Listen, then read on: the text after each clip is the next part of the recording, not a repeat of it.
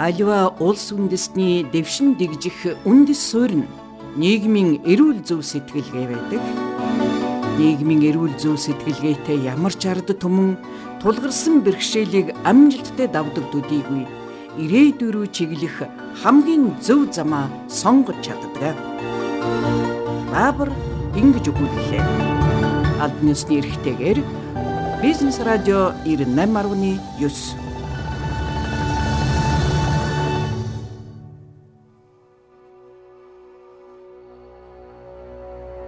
Нийтлэлч Баабар хөршүүд нийтлэл 13 дугаар зууны эхээр Аз нь Европыг бодвол хавьгүй хөжирхэг байлаа. Лалын их тэрэлтэй 500 жил тэмцэлдэн тэдний эсрэг зохион байгуулсан загалмайтны хэд хэдэн дан Европыг сөхрүүлжээ. Лал дорн зүг рүү тэлэх хэрээрээ шин шин хүчрэг гүрнүүдийг бий болгож байв. Перс дээлийн султаанд нь хэдийгээр уугуул язгуурынх боловч хэдийнэ лалдсан байна. Харин өөр нэг том иргэншил болох Хятад өдий хүртэл энэ тэлэлтээс ангид байв. Энэ цаг үед Хятадын хойд талд нэгэн хүчирхэг гүрэн шинээр өндийн бослоо. Энэ бол их Монгол гүрэн. Шин төрж байгаа их Монгол улсыг тойроод Хятадын сүн династаас гадна нүүдэлчдийн хэд хэдэн хүчирхэг улсууд хөршилж байсан. Сүн династи Хятадын түүхэнд хамгийн содон болох тан гөрөн дотоодын хямралд идэгдэж, нэмэр дээр нь умрын нүүдэлчин хятаа нар яв хэмээх хүчирхэг гүрэн байгуулж байнга довтлсон шалтгаанаар мөхчээ. Хятад дахин задарч 5 династи 10 хаант улс бий болов. Бутарсан гүрнийг нэгтгэх үүрэг дараагийн династи сүнд ноогдон 960 онд нэгдсэн төр улс төрөв. Гэвч умар талдаа нүүдэлчдийн байгуулсан тангадуудын Сисиа улс зөрчдийн алдан улс Кеданчуудын Ляо гэсэн хүчрэг улсууд зэрэгцэн оршиж байлаа. Тангийн үед нүүдэлчдийг ямар нэг хэмжээгээр хяналтандаа байлгаж, ихэнхийг валсаал болгож дөнгөж байсан бол сүм тэгж чадсангүй байна. Тангийн үед алдагдсан гих 16 мужаа эргүүлж авах хэмээн хятаа нартай хэд хэд байлдаад амжилт олсонгүй. Нэгэнтээ нь эвлэрч нөгөөд нь дайсагнан гурав дахьт нь татвар төлж аргалсаар 40-оос 50 жил болсон авч эрэхгүй ялагдан хойд нутгаа тэр чигээр нь алдав. Нийслэл Кафенгэ зөрчдийн алтан улсад алдсны дараа урагш хөхмөрнлүү нүүн улсаа өмнөд сүн гэж нэрлэх болов. Хетаны Ля голын нэрээр Ля династи гэж байгуулсан хетанчууд энэ бүс нутагт 200 жил ноёрхсон юм. Хянганы нуруу хаваар нутаглаж Тан династийн хараанд байсан нүүдэлч малчин хетаа нар 10 дугаар зууны ихээр хүчирхэгжин өөрийн төр улсыг байгуулжээ. Тэдний тухай хятад их сурвалж манай эртний 3 дугаар зуунаас тэмдэглэх болжээ. Тэд эртний өвөг Монгол болох Шивэ язгуурынхан иймээс хэлн Монголтой нэн төстэй. Судлаачдын хэлж байгаагаар одоо тогтоогдсон хятаан үгсийн 70% нь монгол үгтэй таардаг аж. Хятаан гүрэн эд мандаж байхдаа шар тэнгисээс алтай нуруу хүртэл уудам газрыг эргшээж байв. Тэд бохой үрнийг сөнөөсөн. Төв Азийг эргшээж байсан Киргизийн хаант улсыг шахан дарсан.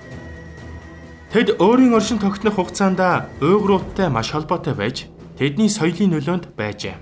Тиймээс Төв Азийн нүүдэлчдээс хамгийн анх уйгураар дамжуулан мань шашинд орж тэднээс бичиг үсгийг авч хэрэглэх болжээ. Нийт хүн ам нь 4 сая орчим байсан гэх авч хятадчууд 5-ны 1-ийг бүрдүүлнэ.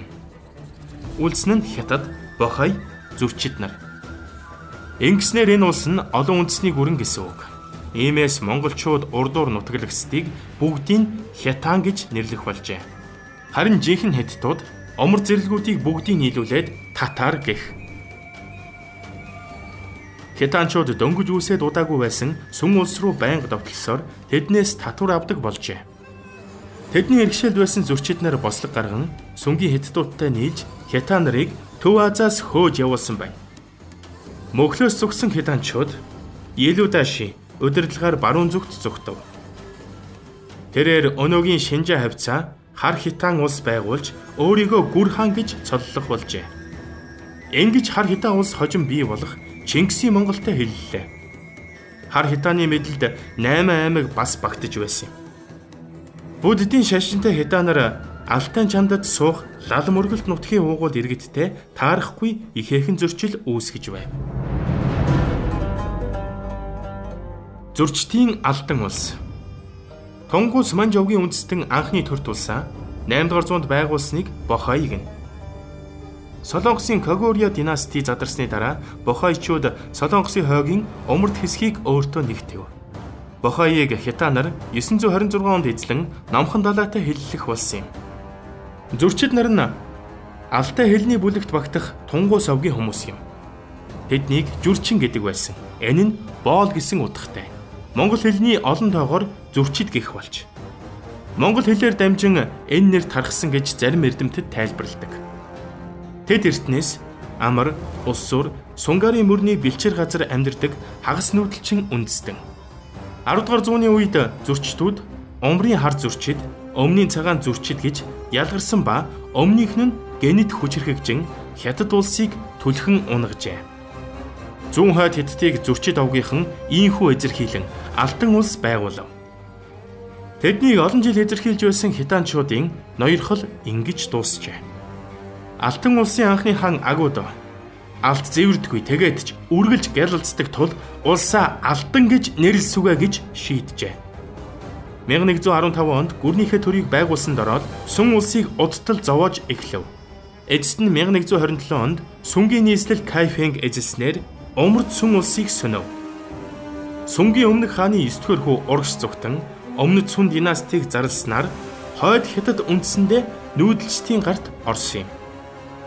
1141 оноос өмнөд сүн улс хөхмөрнөөс урагш хэллэх болов. Ингээд зөрчдүүд нийслэлээ өнөөгийн Бээжин рүү зөөхөн тэр. Алтан улс нийт 5 нийслэлтэй болсны өмнөд нь Кайфэн, төв нь Бээжи юм. Ийхүү тэд хянганы нуруунаас Япон тэнгис хүртэл, байгаль нуураас хөхмөрө хүртэл уудам орон зайг эзлэх болов. Тэд нийт хятад орныг эзлэх зорилгоо хэрэгжүүлэхийн тулд хамаг анхаарал цэргийн бөөгнөрлөө урагш өмнөд сүн рүү хандуулдаг байлаа. Гэвч дотоодын зөрчил, умардын Монгол аймагуудын хүчрхэгжил тэдэнд ийм бололцоо олгоогүй тул аргагүй эрхэнд энэ зорилгоосоо ухрахад хүрсэн билээ. Хэдийгээр эзэд нь Алтай овгийн зөрчид нар байсан авч Алтай улс нь олон үндэсний гүрэн байлаа. Зөрчдөөс гадна тэнд Монгол, Солонгос, Хятад хэлтэн үлэм жолон байсан юм. Ер нь асар олон хүн амтай умард хятадыг хураасан болохоор зөрчдүүд улсынхаа нийт хүн амын цөөнх болж хувирсан нь ойлгомжтой. Зөрчиднэр өөрийн овгийн бүдүүлэг зохион байгуулалтыг хадгалсаар ирсэн авч түүний зэрэгцээ тан сүн улсаас удамжлагдсан хятадын төрийн захиргаа хуулийн тогтолцоог үргэлжлүүлэн хэрэгжилж байв. Чингисийн их Монгол улс байгуулагдахад тэдний олон жил васаалаа байлгасан Алтан улс эхний гол дайсан нь болсон юм. Чингис хаан өөрийгөө Хабул хааны ор залгамжлах ёстой нэгэн гэж үздэг учраас өвөг эцгийн алтан улсын мэдлэлтнүүд баривчлан цаазалсанд өс сандаг байв гэж ярьдаг. Алтан улсын нийт хүн ам 20 сая орчим байжээ. Тангадын Си Сяо улс Өнөөгийн зүүн Шинжаан болон Гансуугийн намдор газрыг төв дугсааны тангад нар эзэрхийлэн Си Сяо хэмээх гүрэн байгуулсан байна. Монголчуудын баруун өмнө байрлаж байсан тангад улс нь төв дугсааны дан, сян, цан хэмээх үндэстнэр голоо хийсэн хятад төвд уйгур үндэстний өөрөөр хэлбэл мөн л олон үндэстний улс байлаа. Тан династи сүнсний дараа энэ улс буурин дээр нь 1038 онд байгуулагдсан юм. Тангадууд төвдийн өндөрлөгт суудаг байснаа хойш нүн төвдийн ба Монголын өндөрлөгийг заагалсан Гансуугийн намдор годомд очин суурьшжээ. Магадгүй энэ хооронд уйгур, монгол, хятад нартай холилдсон байж болох ч Тангатын удирдлага нь үргэлж төвдийн язгууртнууд байсан юм. 1044 оноос хятадуудаас тогтмол татвар авдаг болсон. Тангадууд тэмээ малладаг байсан ба монголчууд энэ орныг эзэлсний дараанаас хөсөг уналганд нэн тохиромжтой энэ малыг өөрөмшүүлсэн байна. Өмнөд төвдийн нэгэн адил элс сэрхэг говьрхэх газарч амуу будаа зөнхлөн тарина.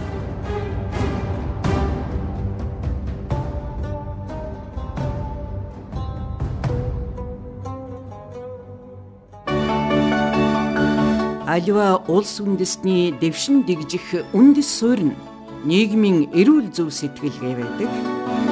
нийгмийн эрүүл зөв сэтгэлгээтэй ямар ч ард түмэн тулгарсан бэрхшээлийг амжилттай давдаг төдийгүй ирээдүй рүү чиглэх хамгийн зөв замаа сонгож чаддаг. Баабар ингэж өгүүллээ. Албаны ёсны эрхтэйгээр Бизнес радио 98.9